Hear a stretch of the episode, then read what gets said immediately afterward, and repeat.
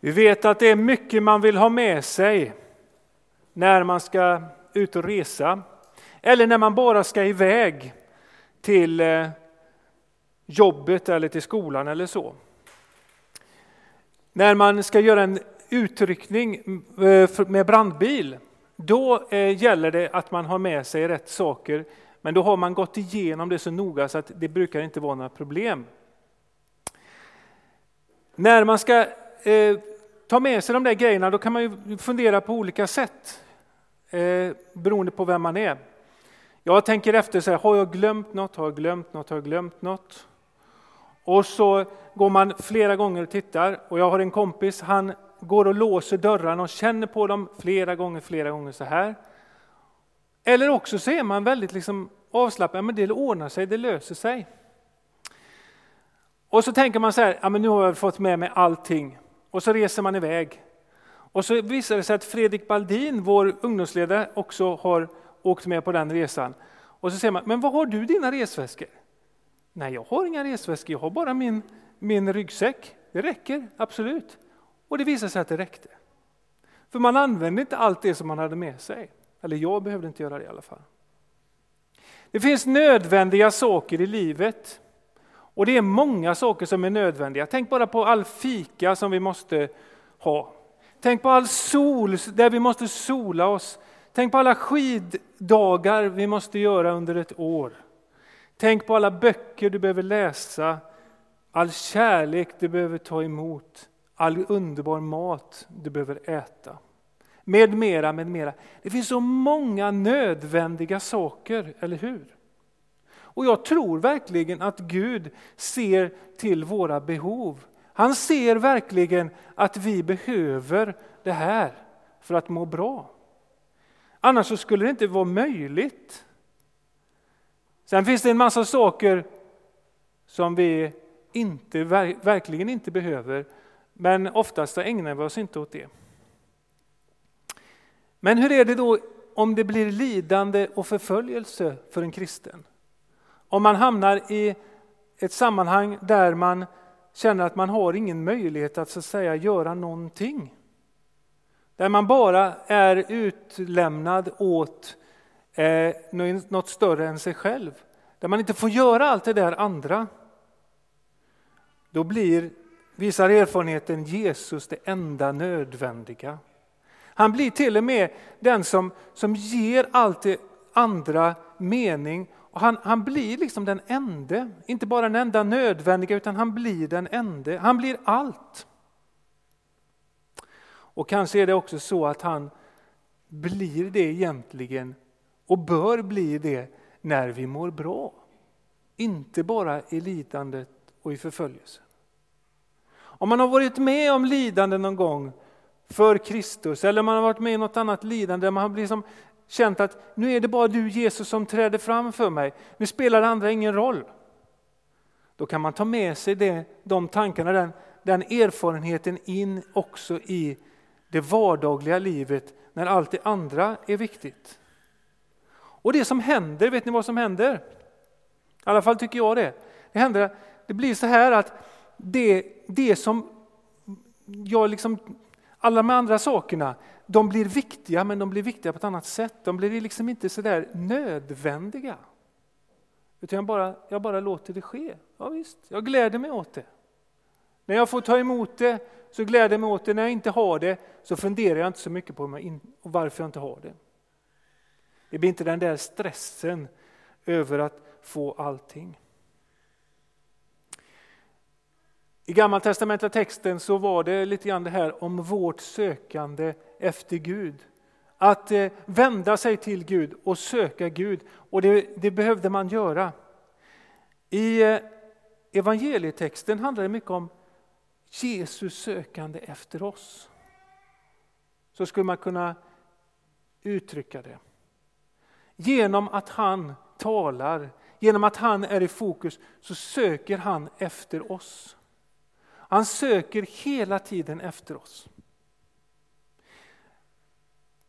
Vi kan tycka att Maria och Marta var motsatser till varandra.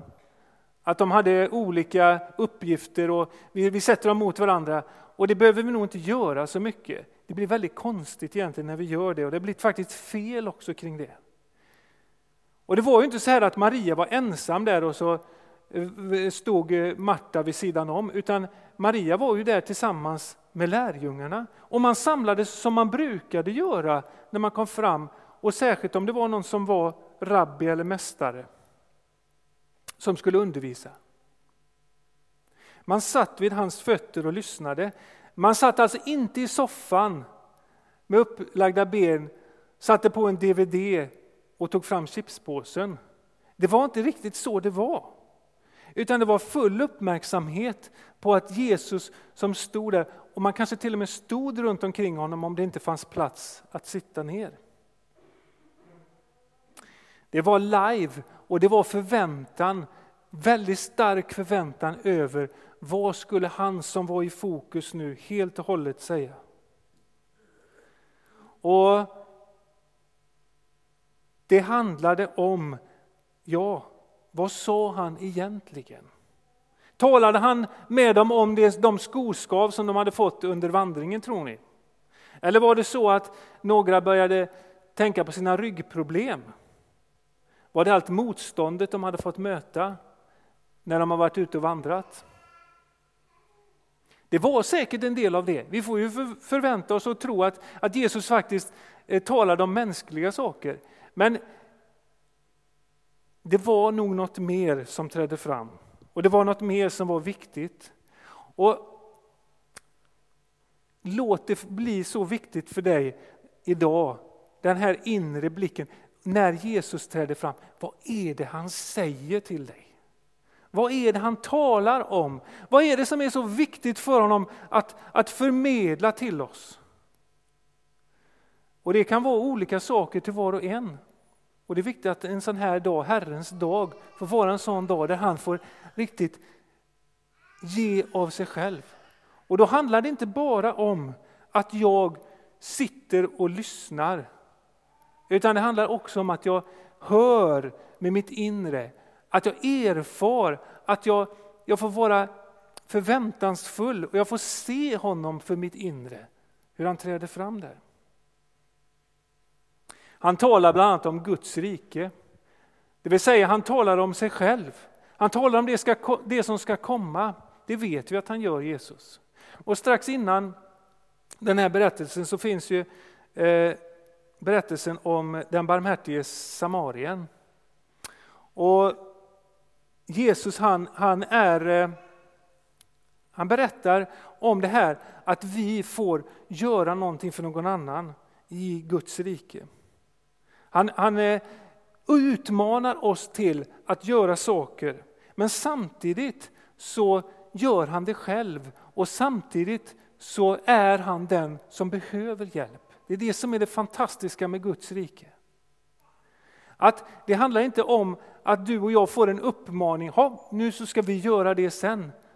Utan det handlar också om att han är där och vi får möta honom i det vi gör. Och sen så gör han också det själv för oss.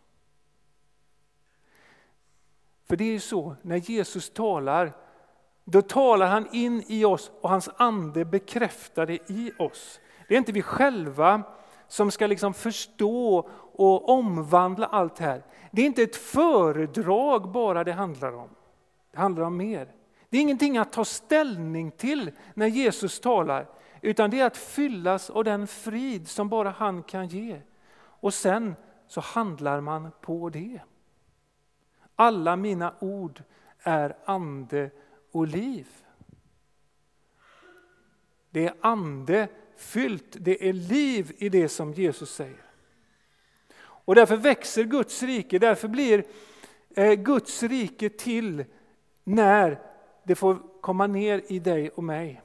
När det kärlet som du och jag är får bli fyllt av hans ord. Vi säger ibland det här att, eh, eh, eller ofta att vi lyssnar till hans ord hans ord är ande och liv. Hans ord är levande. Bibelordet lyfter vi fram som jätteviktigt. Och så är det en del människor som, som inte förstår det. Ja, men, vi måste plocka ut vissa saker, det, och det, det, det är en gammal bok och så vidare. Vi måste tolka den och bla bla bla. Men om det är Jesus som är där, om det är hans ord, om det är hans med ande och liv som kommer, då är det ju någonting helt annat än bara en, en dammig bok. Va? Det vet vi kanske om att det är så, men det är, ju, det är oerhört starkt att det är på det sättet. När Guds rike kommer i ditt liv, då vandrar du i hans ansiktes ljus. Som det står. Och Jesus säger själv att ni är salt och ljus i den här världen.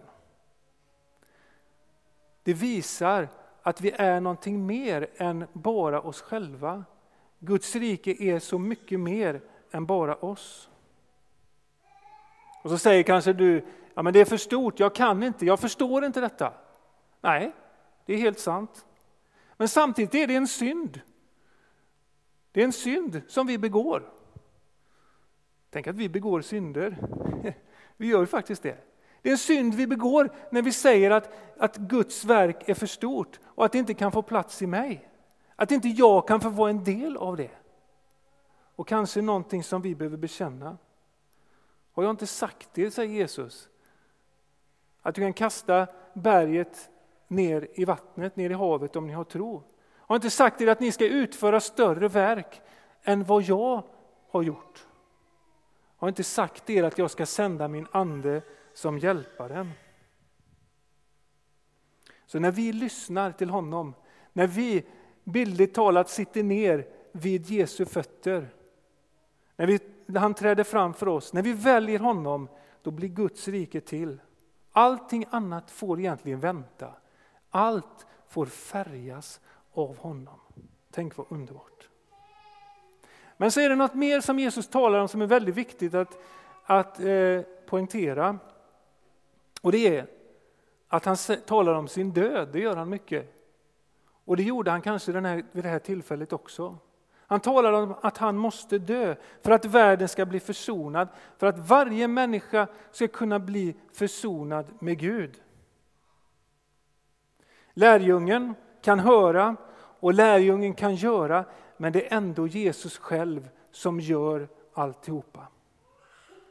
Argumentera, argumenten, uppoffringen, all bön, allting som du och jag ägnar oss åt när det gäller vår tro, det har ingen som helst betydelse om inte den korsfäste får synas i oss. Då händer egentligen ingenting. Och tänk vad härligt att han stiger ner ifrån korset här. Vi har ju korset kvar och en del tycker att ibland att man ska ta ner det där korset, det där krucifixet. Men det är ju inte så att det hänger där bara som en påminnelse om att Jesus dog en gång och vi, ska bli ledsna över det. Utan det, det är ju för att han också är uppstånden. Men han liksom är korsmärkt och lever i oss när vi går ut. Det är så Guds rike blir till också. Det är jätteviktigt att, att ha med det såklart. För det är genom en död som hans som vi står upp till det nya livet. Det går aldrig att gå någon genväg. Det går aldrig att bara lyssna till Jesus och sen göra det utan att komma ihåg att man själv har blivit förvandlad genom en död som hans. Jesus uttrycker ju det genom det här med fröet som måste myllas ner. Tron måste bli till liv i mörker, kanske ibland i vila och i, i det som jag tycker är svårt, jag inte förstår alls hur det går till. Det måste få ligga där och vila och sen så börjar det att leva. Det är väldigt skönt att Jesus har de här liknelserna. Att han uttrycker på det här sättet så att vi kan slappna av och känna, ja men jag behöver inte förstå allting. Jag behöver inte alltid åka på allting och ta in allting. Det räcker med att jag stannar och lyssnar till honom. Han handlar själv. Är det det som behövs för kyrkan i Sverige idag? Att vi faktiskt lyssnar lite mer till honom. Att vi också låter det gro i oss. Och så får vi göra sen, för vi får ju vara med och göra också som Paulus. Allt förmår jag genom honom som ger mig kraft. Och ni vet den här kraften, det är ju dynamiten. Det är ju inte vilken kraft som helst. Det är ju den dynamiten som exploderar. Det är det som blir, från det lilla så blir det till något väldigt stort utan att jag egentligen fattar hur det går till. Det är inte det storslagna från början, det kanske inte verkar så i mig. Det är inte min egen kraft utan det är någonting som han har lagt ner i dig och mig. Franciscus som vi firar, eh, alltså inte påven utan helgonet, så här på hösten. Han eh, fick vara med om det. Han trodde liksom inte att det var någonting när han började bära stenar till kyrkan och bygga upp, sten, eh, bygga upp kyrkan. När han sålde sin pappas kläder i eh, affären och fick pengar för att köpa lite material och sen så skulle han bygga upp en eller en, eh, en, en, någon kyrka där och flera kyrkor. Och han trodde inte att det var något, men han var trogen i detta. Och sen så fick Gud använda honom till att bygga en kyrka inifrån. Och än idag så är det många som är franciskaner och till och med påven heter Franciscus. Det är så att när det börjar i det där lilla, då vet vi aldrig var det tar vägen. Det kan bli så otroligt stort, det kan ta många år, men det kommer. För det är Gud själv som har planterat det i oss. Så vad hörde du i evangeliet idag? Vad var det som Jesus sa till dig? Vad är det som han vill påminna dig om under resten av den här gudstjänsten? Ta vara på det. Vad är det som han sänder dig till utifrån eh, det samtal han för med dig. Låt det få gro i dig. Förhast, förkasta inte det lilla och det som verkar kanske till och med omöjligt. Även om inte jag fick med mig allt på resan, även om inte jag fick med mig allt när jag gick hemifrån, så fick jag med mig det viktigaste. Jag fick med mig Jesus. Och jag har alltid honom med mig. Och det är faktiskt väldigt, väldigt bra. Amen.